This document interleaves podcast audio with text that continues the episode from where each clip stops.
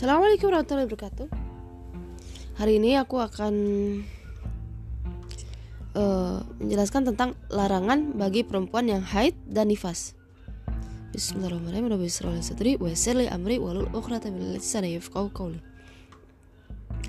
Perempuan yang haid dan nifas dilarang melakukan 8 hal berikut. Yang pertama salat. Dalil tentang larangan salat bagi perempuan yang yang sedang haid dan nifas dapat dilihat dalam penjelasan perempuan yang istihadah pada halaman sebelumnya. Kedua, puasa. Dalilnya adalah riwayat Abu Sa'id Al-Khudri radhiyallahu anhu yang menceritakan ketika ditanya tentang perempuan yang memiliki kekurangan agama, Rasulullah sallallahu alaihi wasallam menjawab, "Alaisa idza hadat lam tusalli wa lam tasum fadzalika nuqsanu diniha." Bukankah ketika haid perempuan tidak sholat dan tidak puasa. Itulah kekurangan agamanya. Al-Bukhari Al-Haid Bab Tark Al-Haid Al-Syam hadis nomor 298. Perempuan yang haid dan nifas wajib mengkodok mengganti puasa, tetapi tidak tidak wajib mengkodok sholat. Sebab adanya adanya darah haid dan nifas mencegah kewajiban puasa dan sholat. Adapun kode puasa ditetapkan dengan perintah Nabi Shallallahu Alaihi Wasallam. Yang lain diriwayatkan dari Mu'adzah radhiyallahu anhu yang berkata, An-namra'atan qalat li Aisyah at-tajzi ihdana salataha idza tahurat فقالت أحرية أنت كنا نحيد مع النبي صلى الله عليه وسلم فلا يأمرنا به أو قالت فلا نفعله bahwasanya, bahwasanya seorang perempuan bertanya kepada Aisyah radhiyallahu anhu apakah kami harus mengkodok sholat jika kami telah suci Aisyah radhiyallahu anha menjawab, "Apakah kamu termasuk golongan haruriyah? Kami hidup bersama Nabi Shallallahu alaihi wasallam. Beliau tidak memerintahkan kami untuk mengkodok salat setelah suci dari had." Atau Aisyah radhiyallahu anhu berkata, "Kami tidak melakukannya." Dalam riwayat riwayat Muslim dikatakan, "Fanu'maru biqada'is saumi wala nu'maru biqada'is if is sholah. Kami diperintahkan untuk mengkodok puasa dan tidak diperintahkan untuk mengkodok sholat. Al-Bukhari Al-Haid bab la yuqda al-sholah hadis nomor 315. Haruriyah adalah sekelompok haruij yang mewajibkan kodok sholat bagi perempuan yang haid. Istilah haruriyah dihubungkan dengan haruro wilayah yang menjadi tempat berkumpulnya golongan Hawarij di masa awal pembelotan mereka. Ketiga, membaca Al-Quran. Dalilnya adalah riwayat Ibnu Umar radhiyallahu anhu menceritakan qala Rasulullah sallallahu alaihi wasallam la yaqra'ul junubu walal haidu syai'an min minal Qur'an Rasulullah SAW bersabda, orang yang junub dan haid tidak boleh membaca sesuatu pun dari Al-Quran. Al-Tirmizi At-Tahara bab ma fil al-junub wa al-haid annahuma la yaqra'ain la yaqra'ani Al-Quran. Hadis nomor 131. Ihwal membaca Al-Quran. Perempuan yang nifas dikiaskan dengan perempuan yang haid. Wallahu alam. Menyentuh dan Keempat, menyentuh dan membawa musyaf Al-Quran.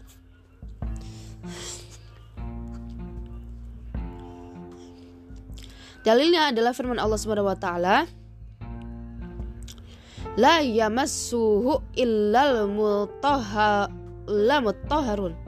Tidak menyentuhnya Al-Quran kecuali orang-orang yang suci. Kias Al-Waqiah ayat 79. Dalil lainnya adalah sabda Rasulullah SAW, "La yamassul Qur'ana illa tahir. Al-Quran tidak boleh disentuh kecuali oleh orang yang suci. Al-Daruqutni kualitas hadis marfu Al-Tohara bab fi nahi hal mudis an mas Al-Quran. Catatan, hadis mursal adalah hadis yang disandarkan kepada Nabi Shallallahu Alaihi Wasallam oleh perawi tabiin dan tidak menyebutkan perawi atau sahabat yang menyambungkan dirinya dengan Nabi Shallallahu Alaihi Wasallam. Ringkasnya, hadis yang terlepas mursal rantai perawinya pada tingkat sahabat. Kelima, masuk ke masjid. Larangan ini apabila darah, darah haid dan nifas dikhawatirkan akan mengotori masjid. Oleh karena itu, yang dilarang sebenarnya adalah menetap singgah ke dalam singgah dalam waktu lama dan berulang kali keluar keluar masuk masjid. Bukan sekadar masuk masjid, Hal ini berdasarkan hadis yang diriwayatkan dari Aisyah radhiyallahu anhu bahwa Rasulullah SAW bersabda, "La uhillul masjida li idin wala junub." Aku tidak memperbolehkan orang yang sedang haid dan junub masuk ke masjid. Hadis ini berlaku juga bagi perempuan yang nifas. Dalil lain yang menjelaskan masalah ini adalah hadis yang dirawaikan oleh Muslim dari Aisyah radhiyallahu yang berkata, "Qala li Rasulullah sallallahu alaihi wasallam nawilini al-khumrata minal masjid." Faqult inni haid. Faqala inna haidataki laisat fi yadik Rasulullah Shallallahu Alaihi Wasallam berkata kepadaku, tolong ambilkan aku sajidah alat sholat dari masjid. Aku menghadap aku, aku menjawab, aku sedang haid. Rasulullah Shallallahu Alaihi Wasallam bersabda, sesungguhnya darah haidmu itu tidak ada di tanganmu. Dalam riwayat Al Nasai, Maimunah radhiyallahu anhu berkata, mengatakan,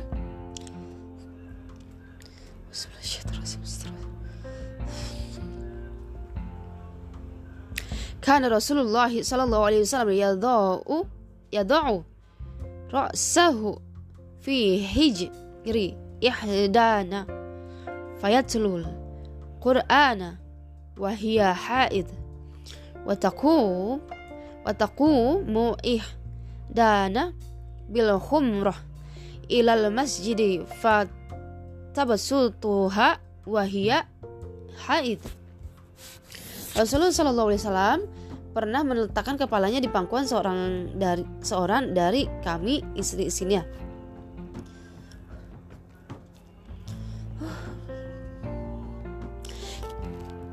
Rasulullah Shallallahu Alaihi Wasallam pernah meletakkan kepalanya di pangkuan seorang dari kami istri-istrinya yang sedang haid lalu membaca Al-Quran. Seorang dari kami pernah membawa sajadah ke dalam masjid lalu menggelarkannya untuk beliau padahal ia sedang haid. Hadis Roy Abu Daud Al-Tahara bab fi al-junub yakhul al-masjid hadis nomor 232. Yang keenam, tawaf mengelilingi Ka'bah. Dalilnya adalah riwayat dari Ibnu Abbas radhiyallahu anhu mengatakan anna Nabiyya sallallahu alaihi wasallam qala at-tawafu haulal baiti mithlul salati illa annakum تتكلمون فيه فمن تكلم فيه فلا يتكلمن إلا بخير Rasulullah SAW bersabda, tawaf di Baitullah itu seperti sholat. Hanya saja di kalian dibolehkan berbicara. Karena itu siapa yang berbicara dalam tawaf berbicara berbicaralah yang baik saja. Al-Tirmizi Al-Hajj bab ma ja'a fi al-kalam fi al-kalam fi al-tawaf hadis nomor 960.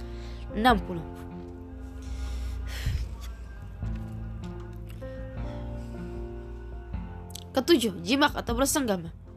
Dalilnya adalah firman Allah Subhanahu wa taala, "Wa yas'alunaka 'anil mahidi." Qul huwa adzam fa'tazilun nisa fil مس فيلم محيد ولا؟ ولا تقربوهن حتى يطوه يطهو يطهو يط حتى يطهرن. فإذا تطهرن فأتوهن من حيث أمركم الله Allahu innallaha yuhibbut tawabina wa yuhibbul mutatahhirin. Mereka bertanya kepadamu tentang haid. Katakanlah itu adalah sesuatu yang kotor, karena itu jauhilah istri pada waktu haid. Dan jangan kamu dekati mereka sebelum mereka suci. Apabila mereka telah suci atau mandi,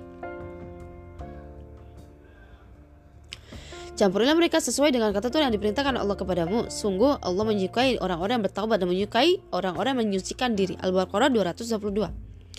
Maksud menjauhi isi pada masa haid adalah menjauhi tempat keluarnya darah haid dengan cara tidak menjimaknya. Kedelapan menikmati anggota tubuh antara pusar dan lutut. Dalilnya adalah riwayat Abu Dawud dari Abdullah bin Sa'ad radhiyallahu anhu berikut annahu salah annahu sa'ala Rasulullah sallallahu alaihi wasallam yahillu li min bi bi imraati wa hiya haid. Qala laka ma fawqal izar. Bahwasanya Abdullah bertanya kepada Rasulullah Sallallahu Alaihi Wasallam apa yang boleh aku lakukan kepada istriku yang sedang haid. Rasulullah Wasallam menjawab, bagimu apa yang di atas sarung atau pusar? Abu Abu eh, hadis riwayat Abu Dawud atau Harabab Al Mazi hadis nomor 212. Sesung maksudnya anggota tubuh yang ada di atas sarung yang menutupi bagian tubuh dari pusar sampai lutut. Catatan. Para ulama sepakat bahwa perempuan yang sedang nifas sama dengan perempuan yang sedang haid. Dalam semua perbuatan yang dilarang, diwajibkan, dianjurkan, dan dimakruhkan. Wassalamualaikum warahmatullahi wabarakatuh.